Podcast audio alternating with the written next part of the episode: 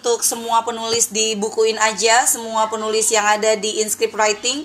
Sebetulnya kalau kita ngomongin tentang jumlah penulis di Inscript Writing dari zaman jebot dulu gitu kan dari tahun 2007 kita sudah mulai membuat jasa penulisan, mungkin jumlahnya sudah lebih daripada 2000-an orang.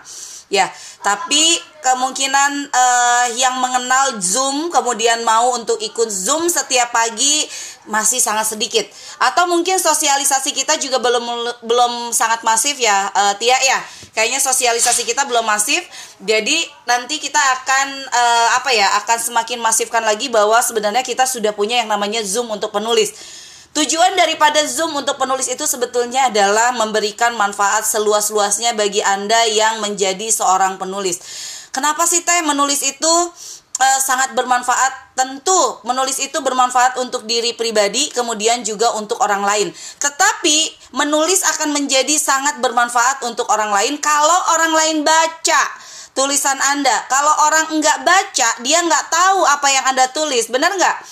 Kalau orang lain tidak baca, dia nggak tahu isi tulisan Anda itu seperti apa dan apa yang membuat dirinya bisa berubah lebih baik dengan membaca tulisan tersebut. Nggak bisa, karena dia nggak baca. Makanya kenapa saya selalu minta bahwa semua penulis itu dia bisa mempromosikan bukunya. Salah satunya adalah supaya manfaatnya semakin menyeluruh, supaya manfaatnya lebih banyak, supaya manfaatnya kemudian bisa bikin orang itu tergugah dan akhirnya berubah menjadi lebih baik. Ingat teman-teman, berubah lebih baik. Banyak sekali tulisan yang bisa mengubah kita. Termasuk saya sendiri ingin menjadi seorang penulis karena saya melihat bahwa banyak sekali yang bisa saya ubah setelah saya menulis buku, eh sorry, membaca buku. Sebelum akhirnya saya menulis buku.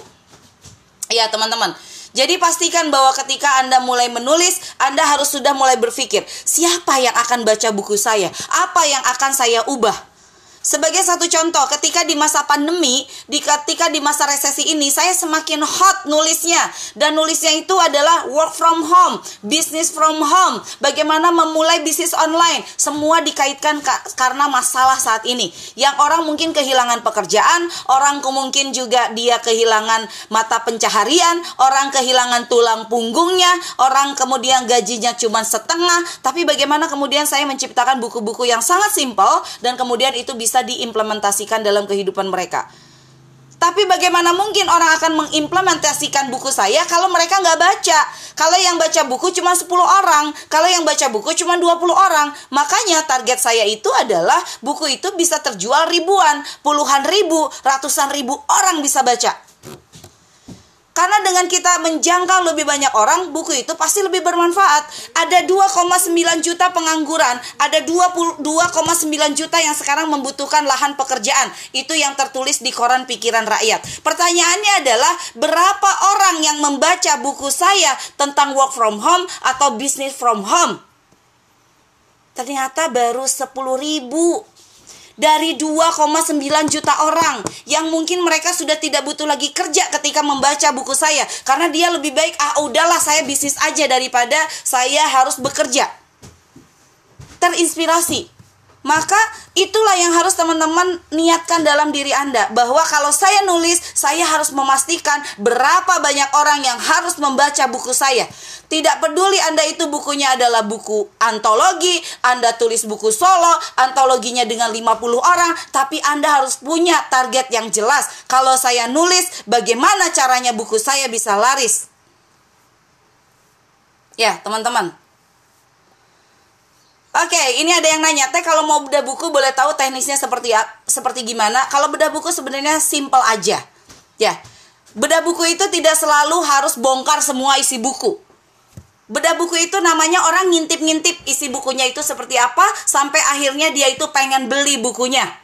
Kalau teman-teman mau bikin uh, bedah buku quotes, teman-teman bisa cerita dari awal teman-teman menulis buku quotesnya seperti apa perjuangannya sampai akhirnya apa aja sih isi di buku quotes itu. Siapa aja sih penulisnya dan itu yang kemudian bikin orang jadi pengen beli. Manfaatnya apa kalau beli buku-buku quotes? Berapa harganya? Dan biasanya kalau selesai bedah buku, Anda bisa tawarkan atau offering daripada uh, buku tersebut dan limited sifatnya. Hanya untuk 50 orang hari ini ya, buku quotes harganya jadi 50 ribu. Jangan dikasih harga normal. Selalu dikasih penawaran. nggak perlu misalnya diskon pun kalau untuk yang beli hari ini nanti saya kasih pembatas buku itu saja bisa menjadi salah satu offering yang menarik ya tapi mau bedah buku di mana? Kalau orang-orangnya juga ternyata tidak peduli dengan buku, maka proses bedah buku itu dimulai dengan Anda yang selalu membranding diri Anda tentang Anda itu nulis buku apa. Ya, saya pernah jualan buku namanya itu uh, judul bukunya itu adalah Working Mom versus uh, Full Time Mom. Dan di situ rame banget. Saya jualan buku itu dalam dua minggu 2000 sampai 3000 eksemplar entah 2000 atau 3000 ya sekitaran segitu.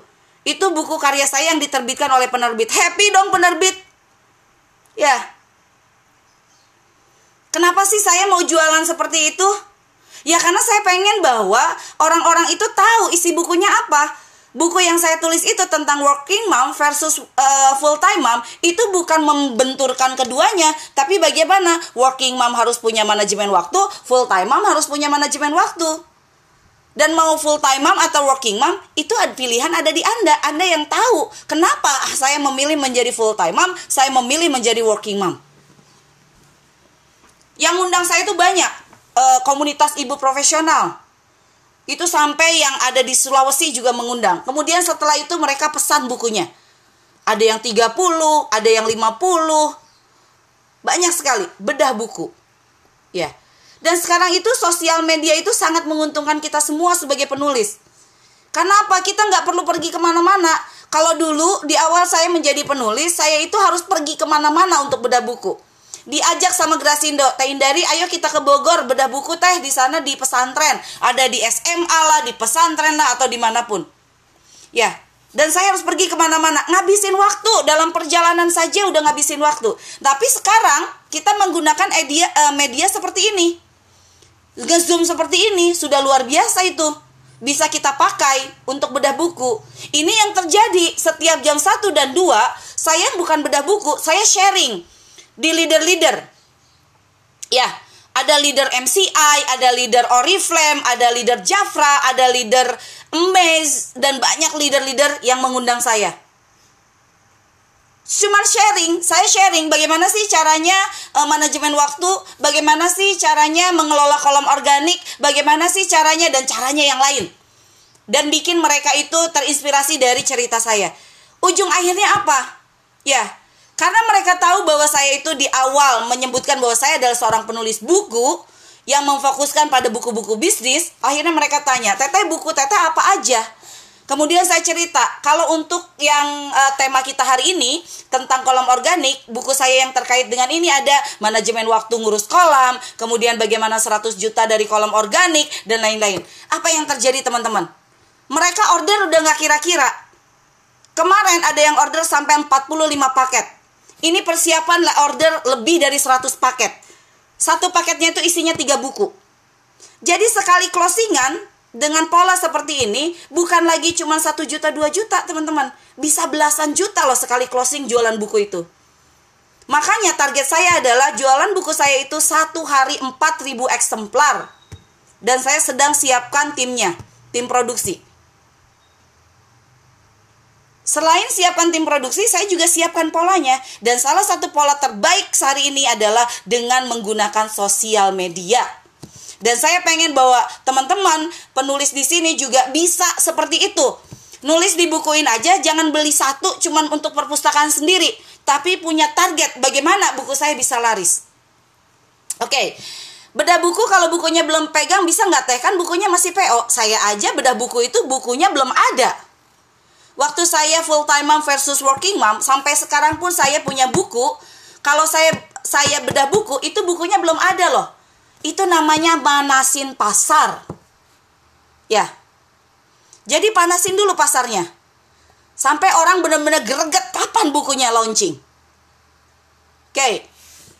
Kemudian, teteh bagaimana agar orang suka baca? Misalnya kalau ibu yang suka baca supaya bisa mengajarkan anaknya suka baca, cara dan cara mempromosikan buku mengajarkan anak suka baca sebetulnya kalau ibunya suka baca biasanya akan terinspirasi. Tapi nih ini pola saya ya. Saya itu di kamar tidur anak buku ada perpustakaan kecil. Ya, jadi anak itu kalau mau tidur dia lihat buku, dia harus matanya dulu. Secara visual dia lihat itu apa, itu apa, itu apa. Oh itu buku nak, itu tuh buku nak. Kemudian kita bacakan, bacakan, bacakan setiap hari begitu. Sampai anak saya yang umurnya 2 tahun ini, kalau ngobrol udah kayak sama anak umur berapa 5 tahun. Karena apa? Vocabulary-nya bagus. Ya, tata bahasanya bagus, wawasannya bagus karena dia setiap hari baca kalau mau tidur, saya baca bisa 70 sampai 90 halaman atau minimal itu adalah dua buku yang ukuran halamannya kecil-kecil. Jadi kalau misalnya ibu sudah suka baca, gampang banget bikin anaknya lebih suka baca. Kan setiap hari ibunya juga baca. Ya. Tapi kalau ibu nggak suka baca, nyuruh anaknya baca, pasti anaknya nggak mau. Emang apa? Kapan ibu baca? Ya, Kemudian bagaimana cara mempromosikan buku? Seperti halnya cara Anda mempromosikan produk yang lainnya. Produk apa teh? Gamis, makanan, sabun, atau apa pun. Buku anggaplah adalah produk yang juga ini komoditi yang bisa Anda jual. Ya. Jadi orang yang kita sendiri jangan melihat buku itu aneh untuk dijual. Tapi buku itu adalah seperti halnya gamis yang bisa saya jual. Yang saya juga kalau promosi gamis kayaknya lentur banget nih. Gimana kalau saya promosi buku? Ya, seperti itulah cara promosi. Bedanya di produk yang satu buku, yang satu gamis. Kalau ngomongin gamis, detailnya adalah kainnya apa, ukurannya apa, kemudian e, enaknya apa pakai gamis ini. Kalau buku apa, jumlah halamannya berapa, kemudian juga e, isinya tentang apa, siapa penulisnya, profil penulisnya. Nah, seperti itu. Ya. Silakan. Masih ada waktu 8 menit untuk yang mau nanya silakan acungkan tangan yang mau nanya Mbak Vi selamat pagi Mbak Vi buka mute-nya Mbak Vi Mbak Vi ini adalah salah satu penulis yang sangat semangat.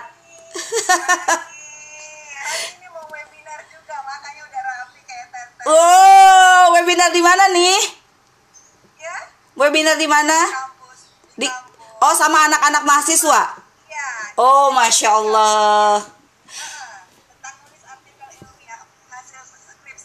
Iya, jangan lupa selalu share bahwa saya nulis artikel ilmiah, tapi saya juga nulis buku yang kecil-kecil, yang simpel-simpel, buku quotes, antologi dan lain-lain. Tolong dijelaskan kepada mereka, bukan dijelaskan, share your inspiration sama mereka bahwa Anda itu adalah dosen yang keren.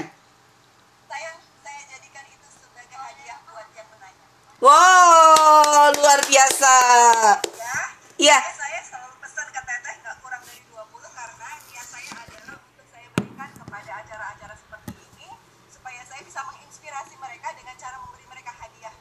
Oke. Okay. Baru nanti saya jual. Hmm. Teman-temannya yang mau gitu. Oke, okay. jangan berhenti untuk promosi, jangan berhenti untuk berbagi, jangan berhenti untuk share your inspiration. Ya, inspiration itu keren banget. Mereka yang terinspirasi pada Anda, mereka akan membeli apa saja yang Anda jual. Tapi kalau Anda tidak menginspirasi mereka, Anda jual apa pun, gak ada yang mau beli, percayalah. Ya, teman-teman. Jadikan, ya, masya Allah, Mbak.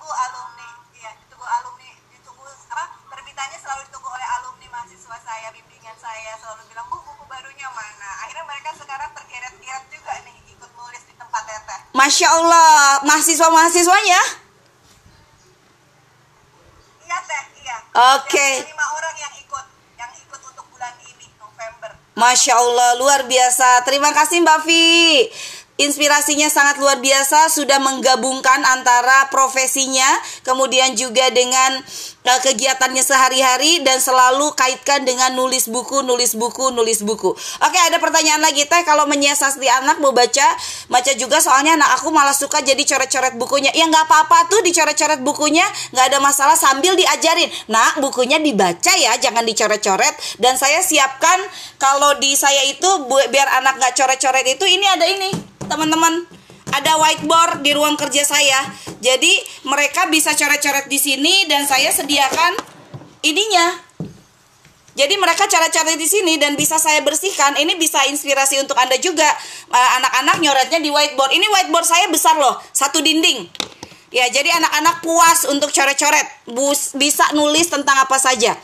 Oke, okay, kemudian uh, Teh, kalau promo bukunya dibanding dengan produk kita sendiri boleh nggak Teh? Boleh banget, malah saya anjurkan. Sehingga akhirnya orang mengenal Anda sebagai pebisnis juga iya, kemudian sebagai penulis juga iya. Oh, itu udah keren banget teman-teman. Ya, boleh, silakan. Ada lagi yang mau nanya? Masih ada waktu 5 menit. Silakan acungkan tangannya. Mbak Sri Patmiati, serius banget nih. Bu Sri, eh malah ketawa. Bu Sri mau nanya? Nanya apa saya masih baru banyak nyimak teh. Oh banyak nyimak. Yang penting nyimak kemudian action ya Bu. Insya Allah. Oke. Sip. Yang lain ada yang mau nanya? Teh boleh nambahin? Silahkan Tia. Iya, makasih Teh. Ini uh, ngobrol-ngobrol soal masalah buku, uh, bedah buku tanpa buku di tangan itu sebenarnya uh, kita udah lakukan juga kan Teh ya? Iya, sering. Sekolah nulis teknologi. Nah ini makanya buat penulis-penulis sebenarnya akan selalu diajak nih sama ambasador sama PJ di uh, grupnya di temanya buat untuk bedah buku kalau misalnya pun mungkin uh, eh, PJ-nya kelupaan atau apa kan bisa mengajukan gitu. Saya pengen beda buku dong di Queen saya pengen beda buku dong. Sekarang kan pasukan 10 juta juga bebas ya boleh yeah. gitu. Dan termasuk juga ibu siaga. Jadi itu uh, bisa banget gitu untuk di screenshot uh, daftar isinya terus diceritain naskahnya seperti apa. Jadi itu uh, boleh. Jadi silahkan nanti hubungin ambasador hubungin PJ-nya untuk bedah buku itu sangat bebas gitu boleh ya yeah. uh, sar uh, tia tia coba kamu cerita waktu ya. kamu belum pegang buku kemudian kamu uh, promo mulu itu gimana promonya ya yang paling nah ini nih kenapa penulis itu pada akhirnya skillnya harus agak banyak harus agak uh, menyeluruh gitu karena promo-promo itu sekarang kan udah bisa pakai flyer promo itu bisa pakai foto uh, maksudnya gambar pakai video atau pakai kayak misalnya nih contoh kalau mau bikin flyer berarti kita share-share quotes yang terkait sama isi naskah kalau kayak kemarin the way, uh, the newly uh, newlyweds diary mm-hmm. berarti misalnya pakai foto pengantin atau pakai foto uh, foto cincin terus dikasih quote sedikit kasih uh, apa mark uh, watermark uh, the newlyweds diary misalnya. Nah kayak kayak gitu terus di share ke sosial media.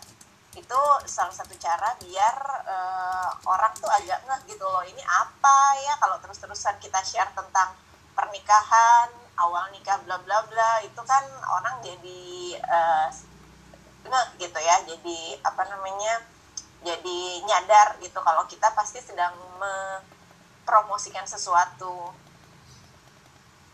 Ya. Tia, Tia juga waktu itu ya bikin uh, kalau nggak salah bikin video gitu ya, bikin macem-macem lah. Tia bikin uh, uh, hadiah dan apa ya itu yang bikin Tia jual novelnya di awal itu kalau nggak salah ordernya itu sampai 200-an eksemplar ya Tia. Iya iya itu alhamdulillah banget memang. Uh -uh itu itu itu akhirnya kan nambah nambah nambah ya. Maksudnya itu yang baru dari kita gitu yang dari dari saya sendiri. Terus kan lo waktu itu karena dari penerbit jadi penerbitnya juga jual sendiri. Hmm. Ya ya ya. Jadi dari penerbit iya terus kemudian kamu juga jual sendiri juga iya. Waktu ya. itu iya. kamu masih di Jerman ya Tia ya? Iya betul. Waktu itu iya. Jadi saya memang nggak pegang bukunya juga saya ikut launching tapi launchingnya via uh, apa namanya waktu itu kayak Skype ya yeah. yeah. Oke, okay, teman-teman, makanya kalau kita ngomongin tentang bedah buku, apalagi di era digital saat ini, udah nggak ada yang namanya jarak. Dulu Tia jadi pertama kali jadi penulis di Inscript itu dia lagi di Jerman. Sekarang aja dia di Indonesia, di Indonesia aja kita jarang ketemu ya Tia ya. Gitu. Tapi promo bukunya jalan, teman-teman penulis saya itu bukan hanya di Indonesia. Waktu itu ada yang di Malaysia, ada yang di Hong Kong, ada yang di Belanda, kemudian ada yang di Irak. Waktu itu Kemudian banyak sekali, bahkan saya bisa tahu tentang Palestina, Pakistan dan lain-lain itu dari penulis-penulis saya, teman-teman. Oh, ternyata begitu ya, ternyata begitu ya, gitu kan? Itu karena apa? Karena kita sudah tidak lagi ada jarak, karena kita sekarang sudah hidup di era sosial media, di era digital yang itu sangat memanjakan perempuan. Ya, teman-teman, kita itu hidup di era yang sangat memanjakan perempuan, asal itu di pakai untuk manfaat perempuan, bukan untuk bikin kita makin jelek gitu. Iya teman-teman. Ya, jadi saya sarankan lagi kepada teman-teman tambah skillnya. Kata Tia itu penulis itu skillnya harus nambah, bukan cuma bisa nulis, harus bisa public speaking, harus bisa bikin flyer, harus bisa untuk mempengaruhi orang atau negosiasi, harus bisa uh, bikin yang namanya bedah buku, harus bisa yang lainnya. Itulah yang dinamakan dengan penulis plus plus plus itu yang ingin saya lahirkan dari inscript writing dan bukuin aja. Barangkali itu saja teman-teman. Terima kasih untuk hari ini. Dan kita akan ketemu lagi besok. Pantengin terus. Saya pengen penulis semakin semangat setiap hari. Bukan hanya semangat nulis. Dan hari ini saya sudah finishing 5 buku baru yang akan dilahirkan. Maka jangan kalah dengan saya. Ayo balapan nulis buku dan jualan buku. Assalamualaikum warahmatullahi wabarakatuh